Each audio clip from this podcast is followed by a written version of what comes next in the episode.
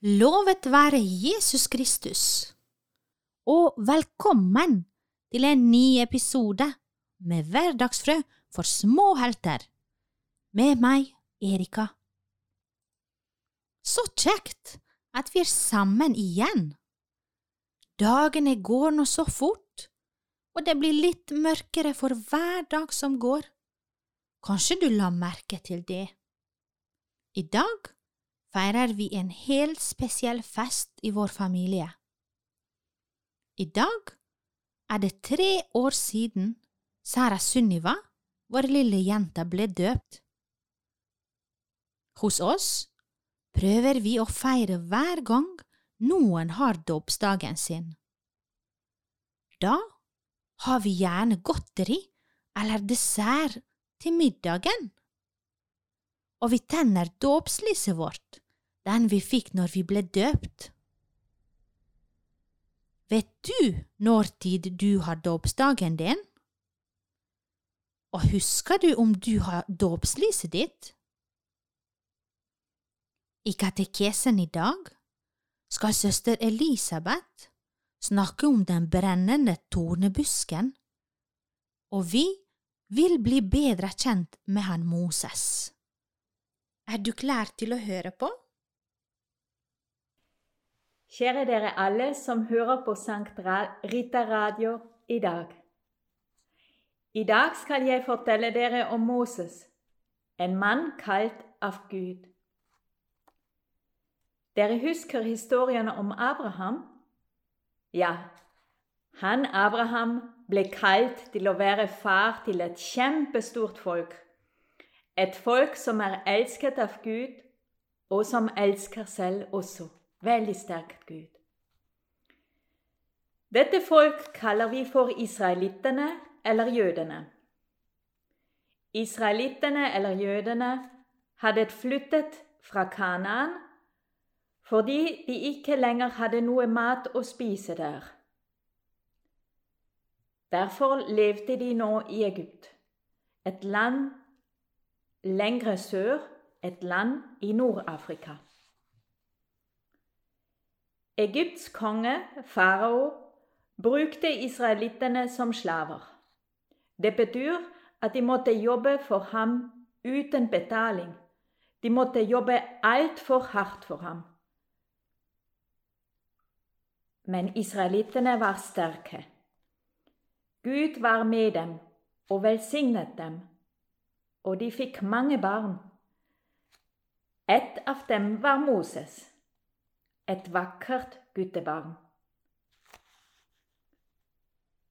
Faraos datter, som jo da var prinsessen i Egypt, fant Moses gråtende i en kurv ved elven Nilen. Hun bestemte seg da for å, adoptere det lille barnet, Moses. Da Moses ble voksen, så han en dag at en av israelittene ble slått av en av egypterne. Moses ble sint og drepte denne egypteren. Det ble kjent, og Moses måtte flykte fra farao. Da kom Moses til landet Midian. Presten i Midian het Jetro. Jetro hadde syv døtre. Moses fikk en av døtrene til kone, og Moses ble hyrde for Jetros småfe. Da hendte det en gang at Moses drev dyrene over på den andre siden av ørkenen. Moses kom da til det vakre gudsfjellet Horeb. Der så han en tornebusk som brant, men den brant ikke opp. Moses tenkte, jeg vil, jeg vil gå og se nærmere på tornebusken. Men Gud sa til Moses, Kom ikke nærmere, ta dine sko av, fordi det sted du står på, er hellig. Moses tok sine sko av og skjulte sitt ansikt. Han våget ikke å se på Gud. Gud sa, Jeg er din fars Gud, Abrahams Gud, Isaks Gud og Jakobs Gud. Jeg har sett hvor vondt mitt folk israelittene har det i Egypt hvor hardt farao og hans menn er mot dem.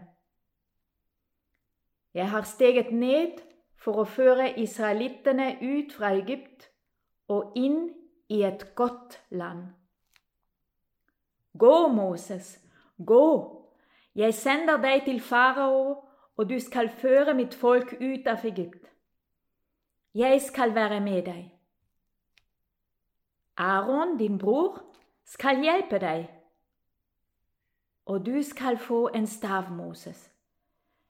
Med den skal du gjøre under, slik at farao lar deg og israelittene dra ut fra Egypt.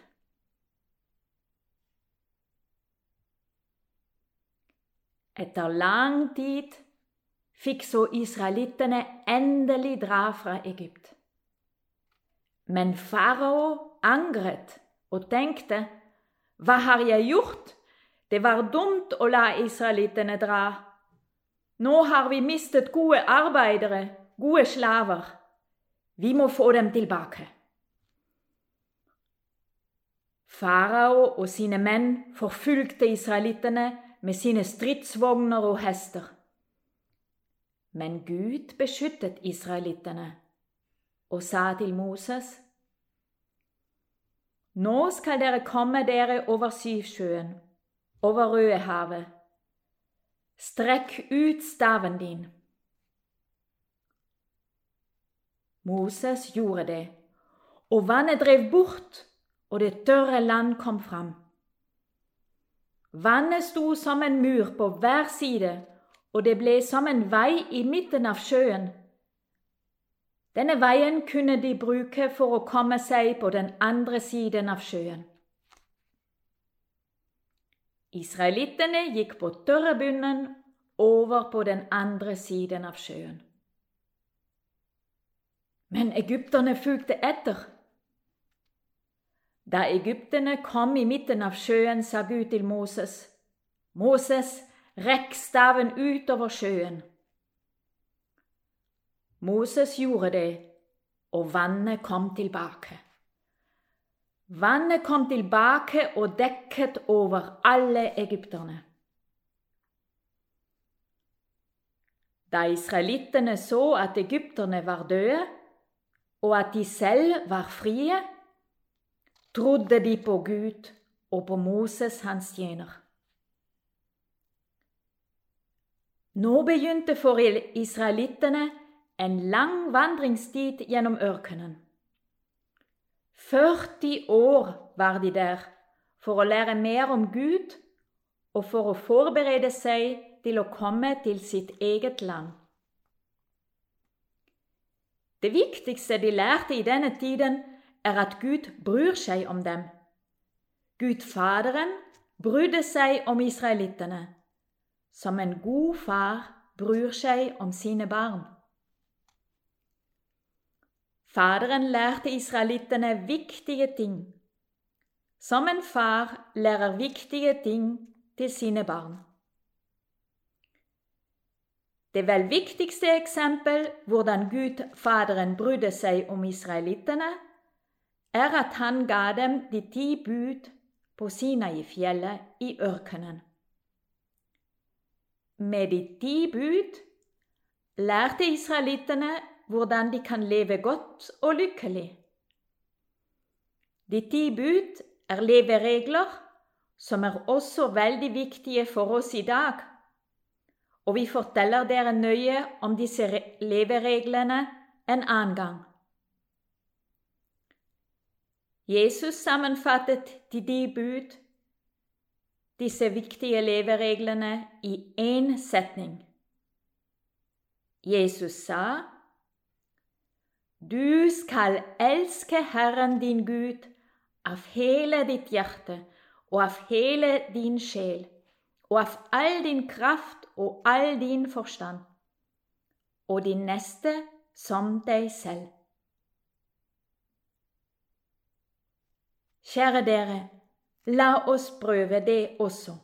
La oss elske Gud av hele vårt hjerte, og ikke bare Gud, men også alle mennesker, som oss selv.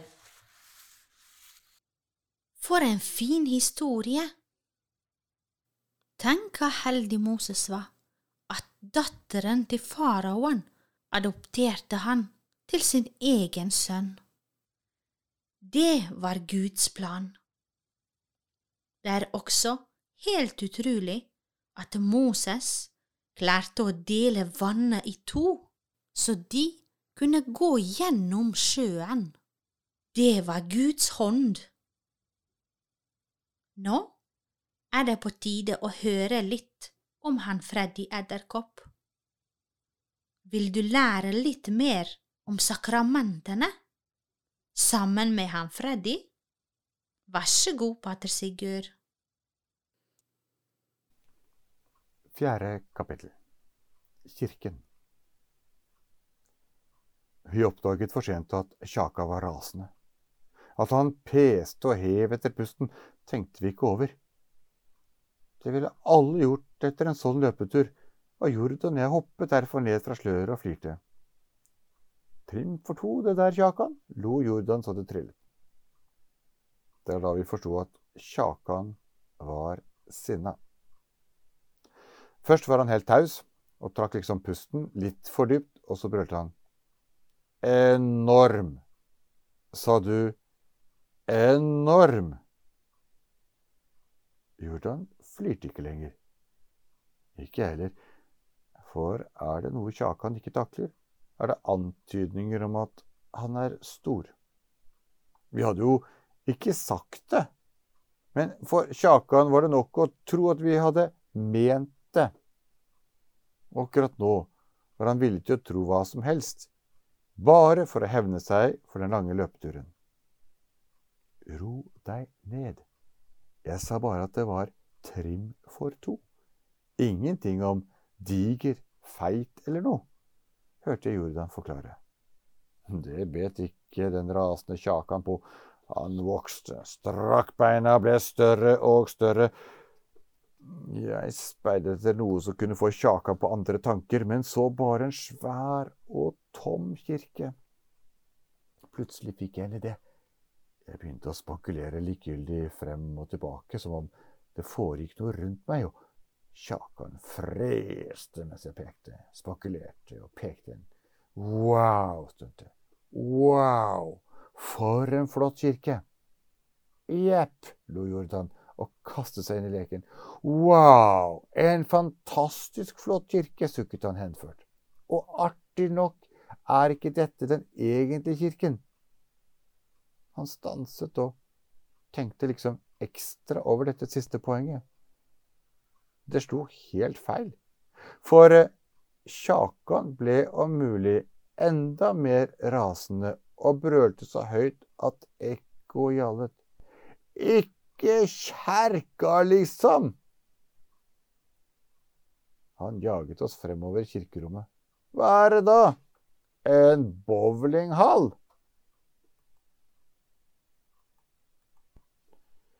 Jordan og jeg tok en dobbel salto mortale, deiset inn i en stolpe og landet under en knelebenk rett ved.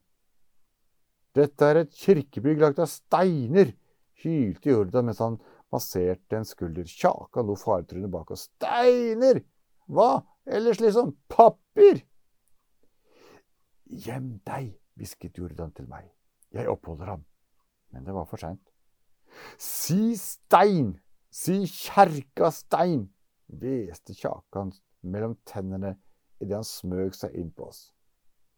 Jeg så meg febrilsk rundt. Søster Agathe og jentungen var langt unna. Jeg presset meg inn mot søylen og prøvde å gjøre meg usynlig. Og med et øye speidet jeg oppover, mens de andre syv stirret på Kjakan. Så nærmet seg faretruende. Lettet så jeg en sprekk et stykke over meg, satte en fot på søylen og klatret. Mennesker, Kjakan, kirken er bygget av levende mennesker. Jordan satte opp professorminen sin. Kirkebygningen derimot er laget av steiner, men er bare til hjelp for den egentlige kirken. Den er et synlig tegn på at Gud eksisterer. Du vet, mennesker er litt trege. De må ha tydelige tegn for å tro. Kirkebygget, Vivanskaret, sakramentene, ja, alt er slike tegn. Kjakan så ikke fornøyd ut, men var godt oppdratt og ventet til Jordan fikk snakket ferdig. I kirkebygget, fortsatte Jordan og pekte rundt seg, møtes den egentlige kirken. Der ber de, feirer sakramentene, møter Gud og er sammen som et fellesskap. Kirken er mennesker. Kirken er alle som tror. Mer hørte jeg ikke, for jeg var langt oppe på søylen, tok et raskt overblikk over sprekken og smøg meg inn. Og så ble alt stille. Tusen takk til dere alle som jobber for at vi kan lære så mye om Gud. I dag har vi hørt mye spennende. Før vi sier ha det, så skal vi be litt sammen som vi bruker. Har du lært noe Fader vår? Rundt om i Norge blir barn døpt hver helg. Skal vi i dag be for de barna som blir døpt til helgen? De må få et godt liv og bli en god venn av Gud. Vil du be sammen med meg nå? Så bra. La oss sammen be nå Fader vår. Fader vår, du som er i himmelen. Helliget vorde ditt navn. Komme ditt rike. Skje din vilje, som i himmelen så på jorden. Gi oss i dag vårt daglige brød, og forlat oss vår skyld, så vi og forlater våre skyldere. Og led oss ikke inn i fristelse, men fri oss fra det onde. Amen. Takk for denne stunden. Så høres vi snart igjen i neste episode. Følg med, og vær nysgjerrig på Gud og lær mer om ham. Ha det!